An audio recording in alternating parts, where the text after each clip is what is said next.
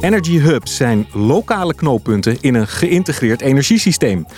Daar komen vraag en aanbod samen. Maar vraag en aanbod zijn lang niet altijd in evenwicht. Wat er allemaal bij komt kijken hoor je in deze podcast van Change Inc. Leuk dat je luistert. Mijn naam is Pieter van der Werf en vandaag zijn bij mij twee Energy Hub experts van de topsector energie.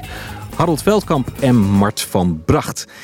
Heren welkom. Mart, laat ik even bij jou beginnen. Uh, toch even om het goed neer te zetten. Wat zijn Energy Hubs nou precies? Uh, nou, je zei het net eigenlijk heel mooi. Hè? Dat zijn, dat zijn uh, knooppunten in een energiesysteem. Ja. Ehm, waar eh, vraag en aanbod bij elkaar komen. En wat je eigenlijk probeert te doen in zo'n energy hub is energie die je lokaal opwekt, ook lokaal te gebruiken. Ja, nou even, even inzoomen misschien op dat lokaal, want in principe hoor je de, de term energy hub wel hmm. veel vaker. Waar hebben we het hier nu over? Dit gaat, hoe, hoe, hoe groot gebied hebben we het dan? Ja, het, het, punt is dat je hebt uh, dat verschillende schaalniveaus. Hè. Je hebt, uh, dat noemen we dan zeg maar microhubs. Dat, is een, uh, dat kan in, in, binnen in een gebouw zijn, waar ja, je je eigen energie zelf zoveel mogelijk probeert te gebruiken. Ja, daar hebben we het nu niet over. Daar hebben we het nu niet over. Nee. maar een, een grotere schaal is een woonwijk bijvoorbeeld, hè, waar je je eigen energievoorziening regelt. Heel veel zie je vandaag de dag bedrijventerreinen. Ja waar uh, men probeert de eigen energieopwekking zoveel mogelijk te, te realiseren. Maar het kan ook zijn uh, een uh, deel van een stad of een groot industrieterrein. Of een laadplein voor elektrisch verkeer. Nou kan ik me voorstellen dat misschien bij een woonwijk het nog vrij overzichtelijk is. laten we eventjes misschien hmm. een iets complexere omgeving nemen als een industrieterrein. Of een wat met wijk erbij misschien wel. Wat komt daar dan allemaal samen? Um, nou ja, daar komt, het, uh, daar komt ten eerste uh, verschillende partijen samen. Ja. Dus je hebt daar partijen die energie opwekken en gebruiken. Soms zijn dat dezelfde, maar soms niet. Uh, die moeten onderlinge afspraken met elkaar uh, maken. Ja. Hè? Uh, en dan heb je te maken met een netwerkbedrijf. Want ja, een volledig autarkisch, dus alleenstaand systeem, dat is in Nederland niet mogelijk. Dus je moet altijd een aansluiting op het net hebben. Dus een netwerkbedrijf ja. moet erbij komen. Je hebt te maken met lokale overheden, de gemeentes. En als het groter is met, de, met, de, met de provincie. En uh, dan met uh, een, een, aantal partijen, bedrijven die zorgen voor de techniek. Hè? Want een Energy Hub heeft altijd een, een input. Hè? Dus dat is het opwekgedeelte, ja. uh, een gebruikersgedeelte. Maar je hebt ook een stuk infrastructuur, hè? Een, een, een, lokaal netwerk. En soms alleen van elektriciteit, maar het kan ook een combinatie zijn met warmte of met waterstof. Ja. En dan vaak heb je ook nog faciliteit om energie op te slaan en te converteren. En wat er ook bij hoort, elke hub heeft een eh, management systeem. een stukje intelligentie die, die zorgt dat het ook allemaal blijft, eh, blijft werken. Hè? Dat het vraag en aanbod allemaal keurig op elkaar uh, aansluit. Ja, daar gaan we het zo even over hebben. Want Harold, dat wilde ik even vragen. Die, die vraag en aanbod zijn natuurlijk zelden in evenwicht. Klopt. En dan? Allereerst is het wel handig om dat te kunnen constateren. Dus uh, het begint eigenlijk met meten. Ja. Wat gebeurt er nu in vredesnaam? Uh, zowel aan de opwekzijde, want in tegenstelling tot onze huidige energievoorziening, waar de centrales prima op- en afregelbaar zijn op het moment dat wij dat willen, zijn die centrales met betrekking tot zon en wind daar een stuk minder gevoelig voor. Ja, je kunt ze wel afregelen, maar opregelen wordt over het algemeen wat lastig. Dus daar zul je daadwerkelijk moeten gaan meten. hetzelfde geldt ook voor het gebruik. Ja. Um, ja, sorry, eh, dat meten, jij bent helemaal gespecialiseerd in digitalisering, maar is dat meten ingewikkeld?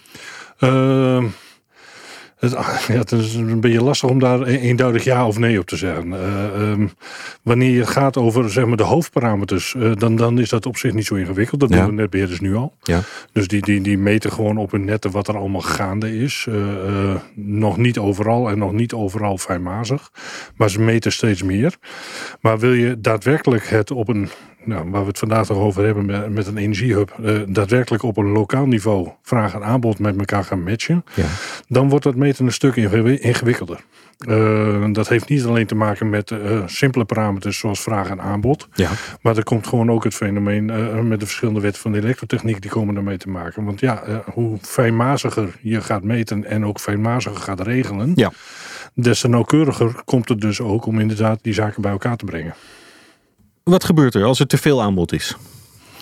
Um, laten we even voor het gemak ervan uitgaan dat we het over elektriciteit hebben. om te beginnen. Ja. om te beginnen. Want gas kun je nog, namelijk nog wel comprimeren in de netten, maar dat lukt je met elektriciteit wat minder. Ja. Ehm, dus wanneer er dus minder vraag of minder aanbod uh, vraag is dan, dan het aanbod wat op het net wordt gezet, dan zul je allereerst zien dat de spanning omhoog gaat. Dus uh, normaal gesproken, wat er bij ons thuis als stopcontact komt, dat is 230 volt als het keurig volgens de speelregels is. En dan mag je plus of min 10% van afzitten. Dus wat je gaat zien, dat zodra er meer zonopwek bijvoorbeeld in een woonwijk op het net wordt gezet, dan gaat die 230 volt die gaat oplopen tegen tot maximaal 253 volt. En daar is die 10% erbij. Oké, ehm, dat wist ik niet. En wat er dus, dan gaat de, tot 253 volt gaat er nog goed. Precies, mijn apparatuur merkt daar niets van. Correct. Maar zodra uh, de zonomvormers die aan die panelen zijn geknoopt, om inderdaad die gelijkstroom die van de zonnepanelen komt, om te zetten op wisselstroom, wat, we, wat we op het net kwijt kunnen. Dan zie je dus dat zodra die ook meet dat doet de zonomvormer al zelf. Ja. zodra die meet dat die 253 volt in de buurt begint te komen, dan is hij verplicht, dat is ook een wettelijke regeling, om af te schakelen. En dan gaan de zonnepanelen dus niet meer produceren. Dat is dus uiteindelijk, zolang we elektriciteit nog niet zo goed kunnen opslaan. Of gebruiken. Is dat uh, eigenlijk dan de, de maatregel die uh, genomen moet worden. Ja.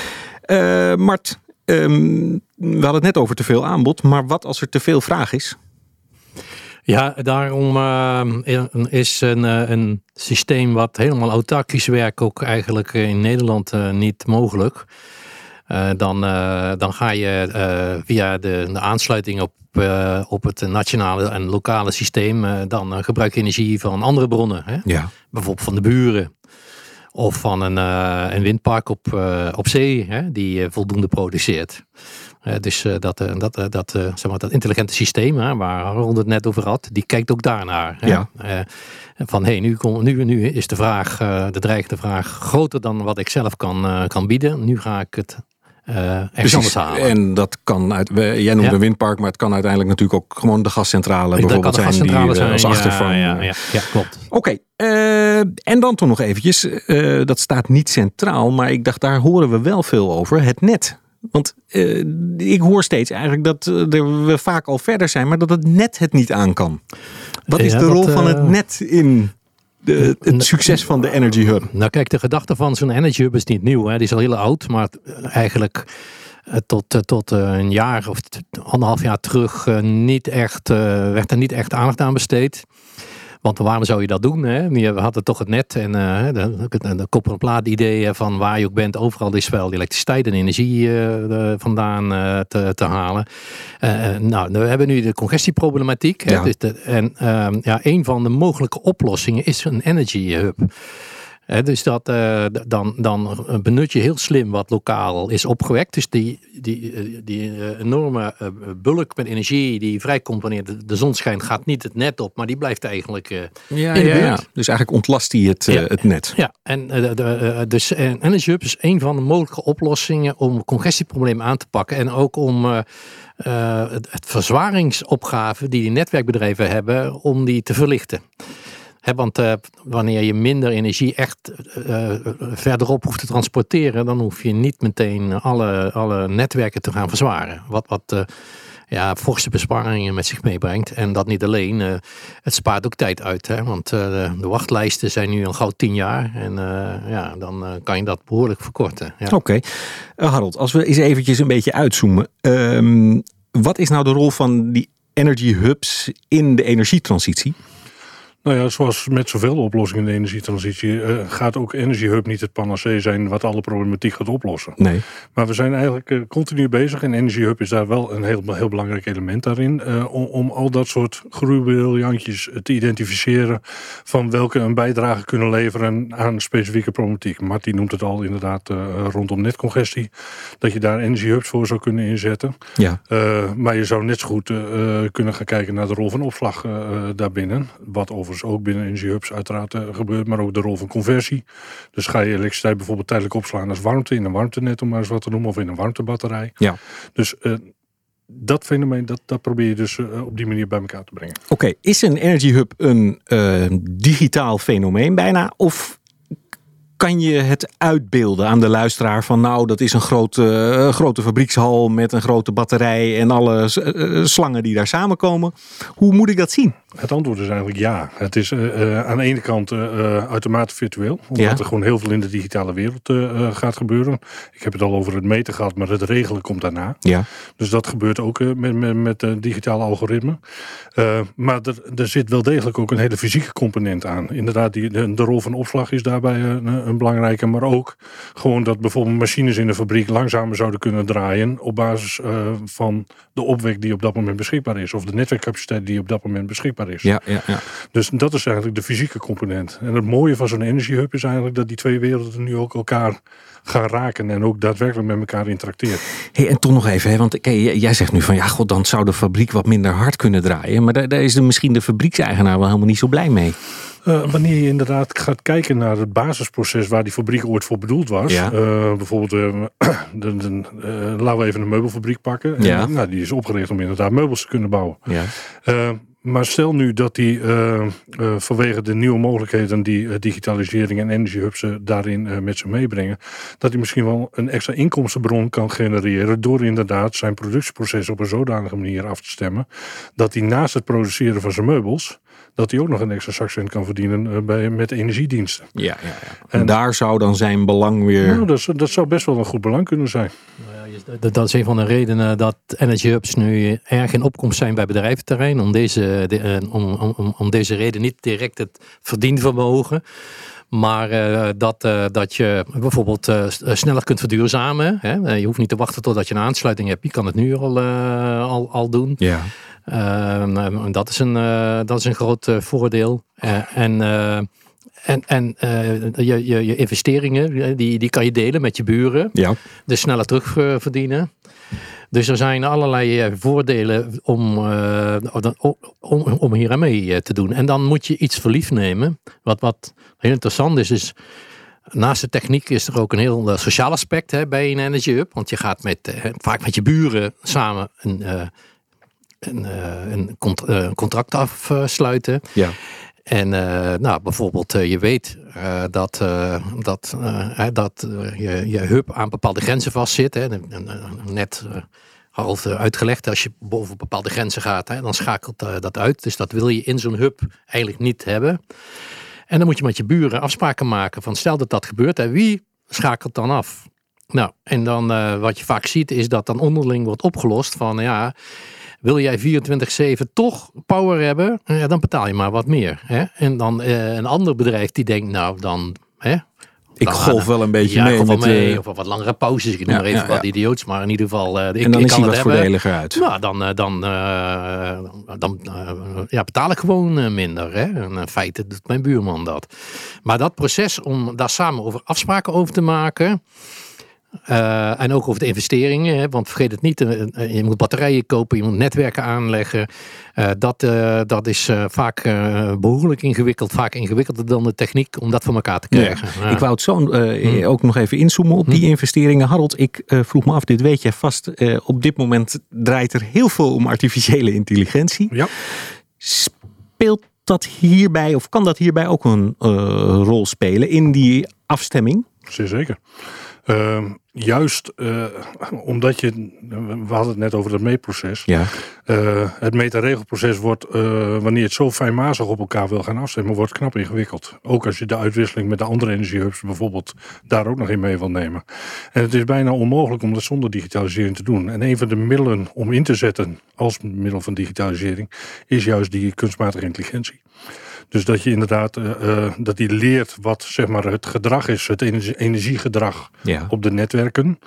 Uh, dat die zichzelf gaat, gaat inregelen op een zodanige manier. Dat hij vroegtijdig patronen herkent. Ja, precies, en... precies.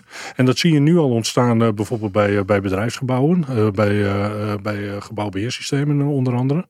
Waarbij het algoritme zeg maar inplugt op het gebouwbeheersysteem, wat er nu al geïnstalleerd is. Gedurende een maand gaat kijken van joh, wat gebeurt er nou eigenlijk op dat netwerk? Ja. En vervolgens zelfstandig dat uh, gebouwbeheersysteem anders gaat inregelen. En dat kun je op basis van comfort doen. Dus dan kan die optimaliseren op comfort. Dan kan die optimaliseren op geld, maar hij kan ook op allebei gaan optimaliseren. En wat je nu al ziet, is dat bij de eerste voorzichtige pogingen, er zijn een aantal start-ups die zijn er al redelijk succesvol mee, dan zie je dus dat daar 30% energiebesparing mee kan worden gerealiseerd. En we zijn nog maar net begonnen. En dat is substantieel. Correct. Um, Mart, je hebt er al iets over gezegd, hè? dat toch eh, energiehubs flink van elkaar kunnen verschillen. Is er één ding waarvan je zegt van ja, maar dat is er altijd? Dat, dat hebben ze allemaal? Ja, eh, een, zeg maar, conceptueel het betekende dat je in een Energy Hub altijd een uh, energiegebruiker en een energieopwekker hebt. Ja, en dat zal in ieder geval eigenlijk altijd elektriciteit zijn. Nee, dat, dat hoeft niet. Dat oh. kan ook warmte zijn of waterstof. Nee, het, het, is, uh, je zult zien dat de Energy Hubs zijn begonnen met alleen maar elektriciteit. Ja. Maar de toekomst ligt in, uh, ja, in, in, naar Engelse term te gebruiken, multi-commodity. Waarbij de ene energiebron omzet in de andere. Ik was deze week... ja, kan je dat iets concreter maken? Hoe, even dat wij dat voor ons kunnen zien of dat ik het voor me kan zien? Uh, toevallig was ik deze week bij, in Delft bij de, de Green Village. Dat is zo'n experimenteer wijkje in, in, op, op de TU Delft, waar, waar, de regelgeving heel luw is. Hè. Daar mag heel veel wat ergens anders niet mag. Ja. En daar, uh, daar wonen ook mensen in, in dat, uh, in dat microdorpje. Ja. Daar staan een paar woningen en die hebben een energievoorziening. Um, maar de, de bewoner weet niet waar de energie vandaan uh, komt. He, dat kan zijn uh, dat, uh, dat het verwarmd wordt door de zon, zonnepanelen die op zijn dak liggen. Ja. Het kan zijn dat hij uit een warmtewisselaar komt die in de sloot hangt. Het kan zijn van een waterstof die geproduceerd wordt. En ze gaan ook nog een keer een geothermieput aanleggen. Dus het, dat kan ook daar vandaan ja. komen. En die systemen die, die, die hangen dus allemaal aan elkaar. En er wordt gekeken, en daar weer, weer, weer dankzij de, de, digitale slimmigheden van, uh, van Harold zijn ja. uh, achterban. Die kijkt wat is het beschikbaar, wat is goedkoop, wat is handig. En onzichtbaar voor de gebruiker wordt daar een bepaalde energiebron gebruikt. En soms ja. komt het uit de batterij, soms komt het uit je sloot en soms komt het van de windmolen. En ja. nou ben jij gespecialiseerd in systeemintegratie. Wat is nou de grote uitdaging? Um, de grote uitdaging is om al die technische uh, zaken op elkaar aan te laten sluiten. Zodat het soms gaat, het gaat om heel praktische dingen. Hè? Ja. De, de, ja, hoe werkt het het best? Definities ja. en standaarden. Dat, dat, kijk, al die energiebronnen die zijn altijd separaat ontwikkeld. Hè? Er is nooit iemand gedacht van oh, warmte. Nou, dan moet ik ook rekening gaan houden met elektriciteit. Nee. Of, of, en nu gaat het dus wel gebeuren. Dus wat in theorie heel erg makkelijk lijkt, dat blijkt dan niet te kloppen. Dan uh, plotseling zit er te weinig druk op de netwerken. Ja. En dan moet er een compressor tussen waar niemand rekening mee gehouden heeft. Of um, bij, bij, uh, in, in Delft was het bijvoorbeeld het veiligheidsaspect. Hè, van, ja, je, gebruikt waterstof, er zijn regels voor. Dus dan moet er een hek omheen. En en, en, en, en dus uh, de, eerst het idee van we doen het al achter een schuurtje, wordt dan bijna de hele achtertuin staat vol met apparatuur. Nou, dat, dat, dat soort praktische problemen doen zich, doen zich voor. En dan zijn er ook niet-technische problemen. Een hele belangrijke is hoe zorgen we dat we een sluitende business case hebben. Ja. Dat is een, een, een de afgelopen jaren voor de. En dan bedoel je eigenlijk gewoon dat het geld wat erin gestopt wordt ja. er ook weer uitkomt? Ja, ja. ja, en ook op de goede plek. Er is een, in, in Oost-Nederland een onderzoek naar gedaan waaruit bleek, nou, dit is voor de maatschappij buitengewoon uh, belangrijk. Er worden miljarden mee bespaard. En uh, toen dit gepubliceerd werd, toen, uh, toen zaten de bedrijven en die zeiden, ja leuk is dat. Hè? Maar uh, en wij dan? de besparingen die komen bij Precies. de netwerkbedrijf terecht. Dus bij, de, ja. de, de, bij het ministerie van Financiën. Maar wij moeten investeren. Ja. Hè? En, nou, en dan moet je gaan nadenken, hoe zorgen we ervoor dat zo'n ondernemer... Uh, ook een stukje van die, uh, uh, van, van, die baten krijgt. Ja. ja. hoe doe je dat nou? Ja. Nou, misschien tr trouwens ook wel leuk. Je noemde al Delft, maar om eens even een paar voorbeelden langs te gaan. heb je er een paar? Ja, de, de, de, de, degene die nu, nu echt al draait, hè, Ja. dat is de, zeg maar, de moeder van alle energy hubs op bedrijfterreinen. Ja. Dat is Schiphol Trade Park, Ja. waar men, ja, net wat ik net zei, onderling eh, onder elkaar is begonnen van ja, we kunnen niet uitbreiden, we kunnen niet verduurzamen. Dat is niet goed voor onze bedrijven, niet goed voor de regio. We gaan een energy hub beginnen. Nou, daar heeft men eh, dat hele proces eh, doorlopen, heel veel geleerd. Maar het werkt daar nu. Hè? Dus eh, zitten allemaal op één middenspanning Ja, aansluiting. Mart, ik onderbreek je Ja, even. mm. Wil je me even helpen? Ja. Eh, want je zegt ze wilden niet verduurzamen. Wel, niet, wel verduurzamen. Oh, ja, wel ja, verduurzamen. Nee, en, en, en ze konden niet uitbreiden? Nee, nee want het net zat vol. Hè? Ja. Dus eh, ja. Oké, nee, maar dan, dan begrijp ik het. Ja. Ja, ja hè? dus ze konden, eh, de daken lagen nog, de- er was, was oppervlakte genoeg om zonnepanelen neer te leggen. Ja. Maar ja, je kunt ze niet kwijt. Dus dat doe je dan niet, dus dan ga je niet verduurzamen. Nou, dat kunnen ze nu wel. En, en nu is er geen sprake meer van congestie, er is zelfs een overschot. Hè? Omdat ze onderling hebben afgesproken, wat ik net al zei, oké, als er te veel aankomt, dan, dan schakel jij terug, dan ga ik omhoog. Ja. Nou, dat is een, eh, een, een de, de, de allereerste die echt nu echt functioneert. En Ja. de andere die ik zelf heel erg leuk vind is van, eh Hessenpoort in uh, vlakbij Zwolle. Ja. Uh, nou, dat, dat is een, uh, ook een bedrijventerrein. Die ligt vlak in de buurt van een uh, windmolenpark. Uh, dus je, je, je, hebt een behoorlijk aanbod van windenergie om dat uh, bedrijventerrein van elektriciteit te kunnen voorzien. Dermate veel dat je ook waterstof kunt produceren. Op het bedrijventerrein zit ook een zuiveringsinstallatie. En uh, uh, het, het, uh, zoals je weet, als je elektrolyse doet, dan produceer je uit water en elektriciteit produceer je waterstof ja. en zuurstof. Die zuurstof die gaat meestal op de lucht in. Ja. Maar in dit geval gaat die zuurstof naar die zuiveringsinstallatie. En een zuiveringsinstallatie heeft zuurstof nodig. En die wordt meestal opgewekt, wat ook weer energie kost. Dus A, een restmateriaal wordt goed gebruikt. Ja. En die zuiveringsinstallatie heeft een aanzienlijke uh, minder uh, energieproductie nodig dan, dan voorheen. Waardoor het plotseling de, de, de, de, de business case voor de waterstofproductie, die, die, die er bijna nooit is, maar daar is die er dan dus wel. Ja. omdat je op die manier slim vraag en aanbod aan elkaar gekoppeld hebt. Oké. Okay. Marold, zie je nou eigenlijk ook dat per project. Hè, we hebben dus een, een project gehad wat al is gerealiseerd. Eentje ja. die in de planning is. Zie je ook dat de complexiteit en de digitaliteit eigenlijk ook enorm toenemen? Zeker. Uh, dat is het derde voorbeeld uh, wat we zouden kunnen noemen. Bijvoorbeeld uh, het project wat nu in, in Emmen in ontwikkeling is. Ja. Uh, en het, uh, gebied... Dat is, zit nog in de planning? Of? Ja, ja? ja, dat wordt op dit moment voorbereid. Ja. Uh, en, en, het grappige van het gebied rondom Emmen, voor degenen die het niet kennen, Zuidoost-Drenthe. dat is het dierenpark? onder andere. Maar er zijn nog hele mooie andere dingen daar. Ja. waaronder inderdaad het energiesysteem wat daar in, in, een paar vierkante kilometer rondom Emmen aanwezig is. Ja. Dat is eigenlijk het Madurodam voor het Nederlandse energiesysteem. Oké, hoe komt dat? je hebt Waarom daar namelijk ze dat? Ze hebben daar zware industrie. Ja. Dus uh, chemische industrie onder andere, die onder de, uh, ook in de, in de klimaatakkoordregelingen uh, moet gaan verduurzamen. Ja. Dus die hebben daar een eigen opdracht. Ja. Je hebt daar uiteraard een gebouwde omgeving, dus er wonen ook mensen, voor degenen die dat niet weten. je hebt de glastuinbouw. Uh, dat is eigenlijk aan de gebruikskant. Uh, maar je hebt er ook heel veel verschillende energieproductiefaciliteiten. Denk erbij aan windmolens voor, voor windenergie, zonnepanelen uiteraard. Maar ook groen gas. Er wordt vrij veel groen gas geproduceerd. op een oude NAM-locatie wordt sinds kort ook waterstof geproduceerd. En ze zijn ook daar bezig met geothermie onder andere. En wellicht binnenkort ook nog met compressed air energy storage. En dat is eigenlijk een batterij op luchtdruk. Dus daar, al die elementen die vind je daar op een, nou, pak een beetje 20 vierkante kilometer. Ja. En dat zit bij elkaar. En dat is eigenlijk de reden geweest waarom ze daar hebben gezegd van, uh, want ook daar zijn uiteraard uh, een, net, een netcongestieproblematiek. Ja. Uh, en daarvan hebben ze gezegd van, joh, zouden we dat nu niet in de brede zin, precies wat Mart zegt, over alle energiedragers heen, dus niet alleen elektriciteit, maar ook over warmte, over moleculen, dus als het nou groen gas is of waterstof of, of nog steeds aardgas. Ja. Dat wordt er allemaal bijgekeken. En laten we eens kijken of we dat hele spel, dat meterregelspel over al die verschillende energiedragers en ook die verschillende energiegebruikers, of we dat bij elkaar kunnen brengen. Nou, dan loop je in Nederland tegen één praktisch probleem aan. Namelijk volgens wet en regelgeving ja. mag dit niet. Hey, en misschien even, hè, om, om even het beeld te creëren. Al die verschillende energiedragers. Ja. Hoeveel verschillende hebben we het dan wel niet? Uh, dan hebben we het dus over elektriciteit. Ja. In verschillende vormen en maten. Ja. Uh, dan hebben we het over uh, zeg maar de moleculeninfrastructuur. zowel aardgas, groengas als waterstof en warmte. Ja. Dus dat zijn de drie warmte. Ja, nou dat is al een behoorlijke complexe... Tot nu toe hebben we nog geen nieuwe daarbij kunnen verzinnen. Nee, nee, dus, nee, nee. Ik zou het graag willen doen, maar dat is zover waar. Ja, en...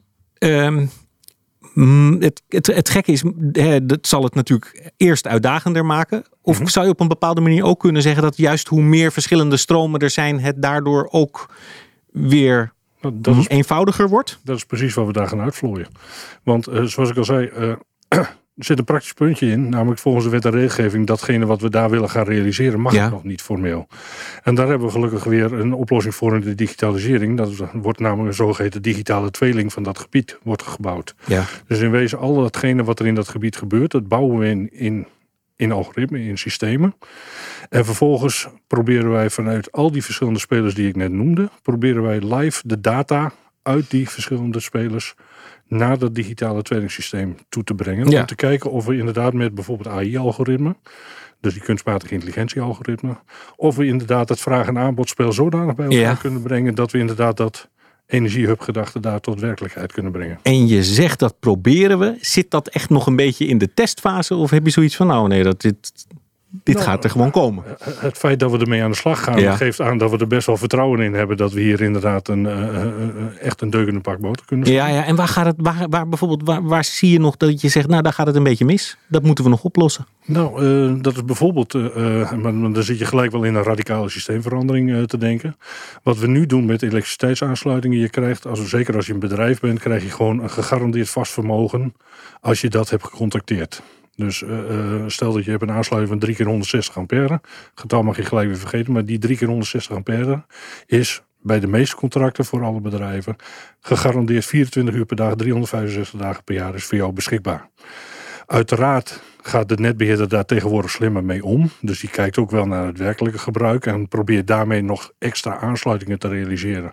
Zonder dat het formeel met de optelsom van de contracten bij elkaar kan komen. Ja. Maar uiteindelijk zullen ze daar ook wel rekening mee moeten houden. Wat we daar eigenlijk nu in Emmen proberen te doen, is dat we niet alleen gaan kijken naar de vermogens, dus de grootte van de aansluiting, maar dat we juist gaan kijken naar het werkelijke gebruik van die infrastructuur en het werkelijke gebruik van degene die erop aangesloten zijn, zowel productie als afname. Ja. En om dat op een goede manier bij elkaar eh, eh, in evenwicht te krijgen of op elkaar afgestemd te krijgen, daarvoor hebben we dus die digitalisering nodig. Oké. Eh, wie van jullie is een beetje van het geld? Van de financiering? Ik vrees wij beide. Ja. nou, ik vraag me af, want eh, hier zijn natuurlijk uiteindelijk heel veel partijen bij betrokken. Klopt.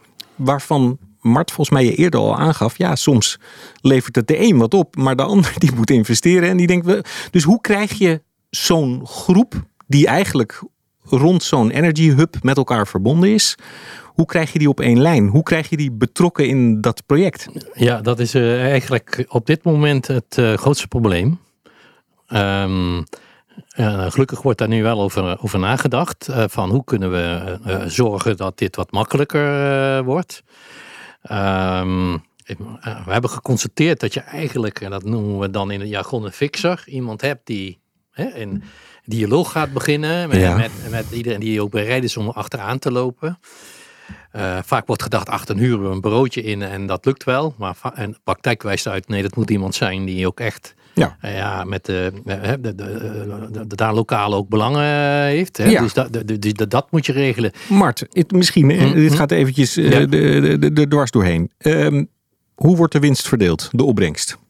Ja, Wie dat, dat, ja. dat, dat moet je ook met elkaar Ja. eh, afspreken. Ja, hoe Eh, gaat dat? En, eh, dat- er worden onderlinge afspraken Is er gemaakt. ook een soort fixer die uiteindelijk, Ja, uiteindelijk die op een papier... Heel, heel belangrijk. Een item van die fixer is, is eh, om uit te rekenen, joh, dit kost het je en dit levert je op. Ja, want soms zitten de kosten aan de ene, bij de ene partij en de opbrengst Ja, en hebben dan wordt er, dan wordt er overlegd van, ja, eh van Dus dan- lossen we dit op? Ja. En dit is een soort onderhandelingen. Hè? Dan hebben we- Nou, dan wordt een mini-polder gesprek van, ja, maar nou, hè, bedoel, ik investeer en, eh, Ja. en, en joh, jij hebt er baat bij. En eh, een discussie ook vaak op bedrijventerreinen is, er liggen tien bedrijven, acht doen mee en twee die zeggen, ik doe eh, lekker niks. Ja, die is ook wel interessant. Ja, Wat ja, dan? en dan, eh, ja, hoe lossen we dat op? Die twee, eigenlijk moeten die meedoen, Ja. maar die willen niet. Nou, dan moet je iets op, op Eigenlijk zou jij, Hmm. denk ik, wel willen dat de, die door de overheid dan gedwongen zouden kunnen worden. Als je zo'n grote meerderheid wel mee wil doen, of niet? Eh, Nou ja, of dat verstandig is, weet ik niet. Het is wel dat de overheid nu wel eh, eh, allerlei hulpmiddelen beschikbaar gaat stellen. Ten eerste, Nou ja, omdat je zegt niet zo verstandig, maar als twee het hele project tegen kunnen Ja. houden. En dan gaat die verduurzaming gaat ook niet door. Ja, nee, dat klopt. Het wordt natuurlijk een stuk makkelijker als de overheid dat kan doen. Maar ik denk dat dat uh, ja, veel weerstand zal bieden. En dat men eerst probeert om dat te voorkomen. Ja. Kijk, een ander aspect is, hè, we hadden het net over financiën, is uh, dit kost geld. Het, het, het, kost van tevoren geld, want je moet een plan maken. En dat is expertwerk. Je moet een, een, een installatiebureau inhuren en die moeten dat gaan ontwerpen. Dus je moet van tevoren aan al je buren vragen. kosten vooraf. Wil die allemaal betalen? Ja. En het kan zijn dat er uitkomt dat het niet werkt of niks oplevert. Ja. Dus dat risico neemt het. Nou, het mooie wat ik kan melden is dat het ministerie van EZK daar een speciaal subsidiefonds voor wil gaan maken. Dus dat als jij een goed plan hebt, dat moet natuurlijk aan een eisen voldoen. En uh, dat je, dan kan je daar een subsidie krijgen waarmee je dit soort expertise kunt inhuren of een expert kunt betalen om dat te doen. En dan, uh, als je uh, dat, uh, die hobbel hebt genomen, je hebt een ontwerp enzovoort, dan moet je echt gaan investeren. Ja. Je moet batterijen kopen, je moet netwerken aanleggen. Nou, ja. dan, dan, dan, maar Mart, toch nog eventjes. Mm, mm. Je hebt een prachtig project. Ja. En je ziet er hele mooie, prachtige besparingen voor je en alles. En één of twee cruciale partijen willen niet meedoen. Wat doe je dan?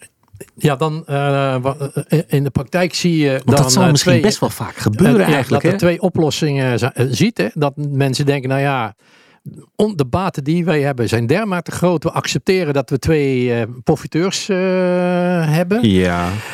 Um, of men zegt, oké, okay, we proberen die anderen gewoon buiten ons, uh, ons hub te, te, te, te, lokaliseren. Met het idee van, nou ja, mocht je je later nog bedenken, dan kan je meedoen. kun je ook nog Stel, ja. stel, nu dat je één hele grote partij hebt in dat gebied, die eigenlijk het hele systeem ondersteboven zou trekken, wanneer die ook inderdaad daadwerkelijk mee gaat draaien. Ja. Dan, dan, kun je dus inderdaad gaan kijken, onder andere met behulp van zo'n fixer, om eens te kijken, zouden we die niet op een andere manier aan kunnen sluiten op het net, zoals die nu op het ogenblik uh, ja. aangelegd is. Dus ook dat soort analyses. Ja, je zegt het nog op een hele vriendelijke manier, maar het, het kan natuurlijk ook zijn dat, dat, je al, dat een bepaalde groep zegt, maar jij mag niet meedoen. Uh, dat, dat zou ook een mogelijkheid kunnen zijn. Overigens, uh, als je nu kijkt in de gemiddelde Nederlandse winkelstraat, die hebben allemaal een winkeliersvereniging. Er zit er altijd één of twee bij die doen niet mee. Ja. En toch organiseren die winkeliersverenigingen allerlei activiteiten om maar Ja. de loop erin te krijgen voor die winkels. Dus het is af en toe ook gewoon een, een fact of life dat, dat dit soort dingen zullen gaan voorkomen. Het belangrijkste is dat je inderdaad geen belangrijke speler daarin buiten boord laat vallen. Maar dat er af en toe eens een keer een partij niet mee wil doen, om wat voor moverende reden dan ook, ja, dat, dat Mhm. zullen we denk ik maar moeten accepteren. Ja, want de term polder eh, viel net al. Ja. Eh, nou ja, daar zijn we heel succesvol altijd mee geweest. Maar je hoort wel dat de, de, de, de kanttekening daarbij is natuurlijk dat het soms heel lang kan duren. Ja, ja, ja, dat is dat, uh, wat Ja. wij nu in de lopende projecten zien. uh, Hebben zit we de die meeste tijd wel, Mart? hè? ja, hebben we die tijd. kijk, als je kijkt naar de doelen die, die, die gesteld worden in urgentie, dan hebben we die eigenlijk niet. Hè? Maar uh, um, ja, wil, wil, je dit in, in uh, dwingende wetgeving stoppen, dan dat kost dermate veel tijd. Dat ik me afvraag wat gaat sneller. Wat mij opvalt is als je een aantal barrières weggaat, met name de financiële, dan zijn er heel veel, uh, zeker op bedrijventerreinen, heel veel bedrijven die zeggen, nou, dit, dit, dit de, de, voordelen zijn dermate evident, ik ga gewoon investeren. Ja. En dan gaat het veel sneller dan wanneer de overheid, een netwerkbedrijf, dat allemaal voor jou gaan plannen en uh, gaan voorbereiden. Oké, okay, ja. Mart, even concreet. Uh, er luisteren misschien wel mensen hm. die op een uh, energie, op een industrieterrein zitten hm. en veel met energie te maken hebben. Wat adviseer jij ze nu? Um, er, er, is een, een, een, initiatief op het gebied van bedrijventerreinen ontwikkeld. Ja. Um, ik heb even de website niet voorhanden, maar daar zou je je kunnen melden. Dat is een, uh, die richt zich specifiek op uh, bedrijventerreinen, energiehubs op bedrijventerreinen. En uh, die uh, zorgen er ook voor dat er soort standaard contracten komen, hè, zodat ja. je dat niet zelf hoeft te, te doen. Uh, sowieso loopt er een, een programma dat heet Eigen, mooi Eigen. Hè? Dat is een topsectorprogramma waarbij een aantal partijen zorgen dat er een soort gereedschapskistje komt. Hè? Nou, dan moet je niet denken aan een hamer en beitel, maar een, een voorbeeldcontract, een Ja. rekentool.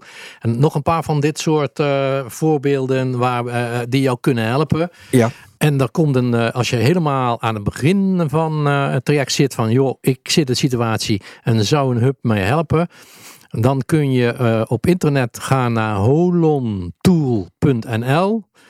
Um, aanstaande donderdag gaat dat systeem live en dan kan je Heel eenvoudig, daar hoef je geen expert voor te zijn.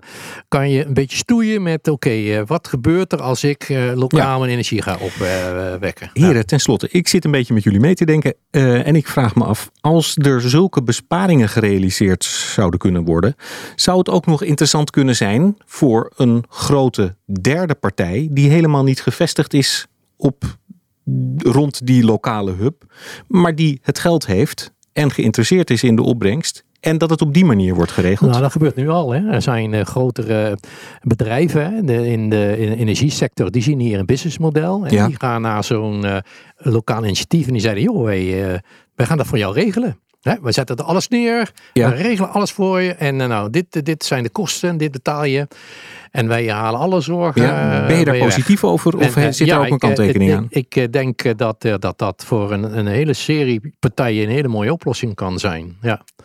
We hebben denk ik één ding even, we moeten wel even in de gaten houden. We hebben nu vooral de voordelen gehad van Energy Hubs. Er ja. zijn er ook nadelen bij. Nou, nog even kort dan. Uh, nou, gooi je ik, eigen uh, ramen maar ik, ik, ik geef er twee. Ja. Het, kan, het kan zijn dat als iedereen op eigen houtje een Energy Hub gaat bedenken. Dat als je dan naar in het totale systeem bekijkt, dat je een inefficiënt uh, systeem uh, krijgt. Omdat, ja, je dingen, omdat je dingen dubbel doet, of ja. omdat je buren het eigenlijk ook al, al, al doen. Hè? Ja, oké. Okay.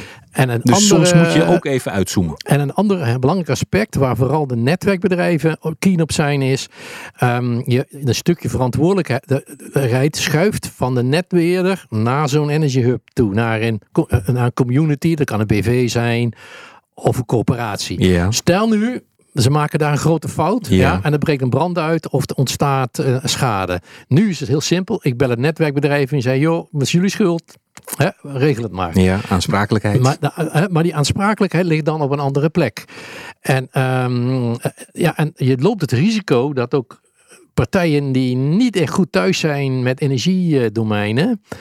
Uh, en dat dan maar een beetje bij doen. Ja, toch uh, maatregelen nemen of uh, situaties creëren die gewoon gevaarlijk zijn. Of die tot behoorlijke problematische situaties kunnen leiden. Dus hier hoort ja. wel weer regelgeving bij. En dat pleit dan ook wel weer voor zo'n bedrijf. Als je die inhuurt, vaak hebben die wel de expertise om te zorgen dat het veilig is en alle normen en zo voldoet. Ja. Heren, ik wil jullie hartelijk danken. Uh, Harold Veldkamp, programmadirecteur digitalisering en Mart van Bracht, directeur systeemintegratie, beide van de topsector energie. Heren, hartelijk dank. Dit was de Change in podcast over Energy Hubs. Dank voor het luisteren en hopelijk tot de volgende keer.